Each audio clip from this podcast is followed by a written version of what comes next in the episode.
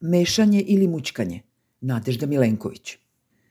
Sedam meseci mučkanja sa vladom, mešanja karata, mešanja stranih faktora i rezultat jedva nešto malo promešanih portfelja i debelih mesa u foteljama. Jedno je sigurno, ovu vladu nisu sastavljali strani špijuni, iako ih, po rečima predsednika Srbije, ovde ima kao u Kazablanki. Kazablanki filmu, a ne gradu.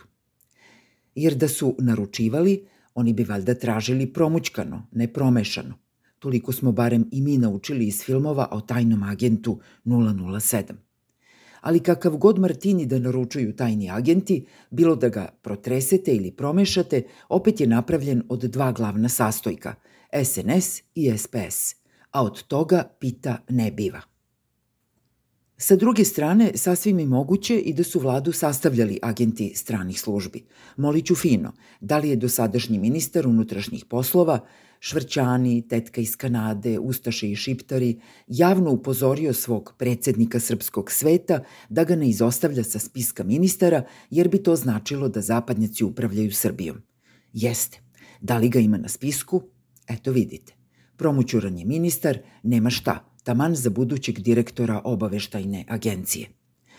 A opet, zašto bi pa zapadne sile uopšte bile zainteresovane za tamo neke ministre, kad, kako svakodnevno saznajemo, one vrše ogoljeni pritisak samo na predsednika Srbije.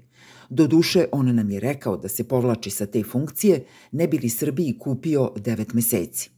Ako je to vreme dovoljno da se začne i rodi dete, valjda može da se rodi i neko rešenje.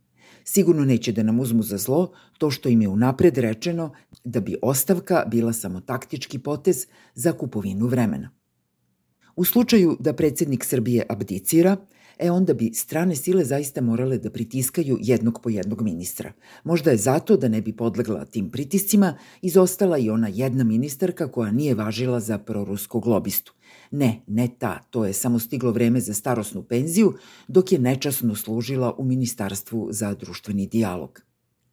Pa ne bi valjda smenili Zoranu Mihajlović zato što je rasprodala rudarstvo i energetiku i pod svojim resorom protivzakonito držala u vede stanju neukog direktora koji je mučkama upropastio EPS.